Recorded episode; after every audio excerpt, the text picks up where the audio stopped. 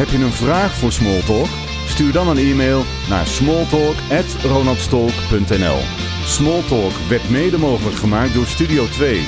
De oplossing begint met een idee. Dit was Smalltalk voor.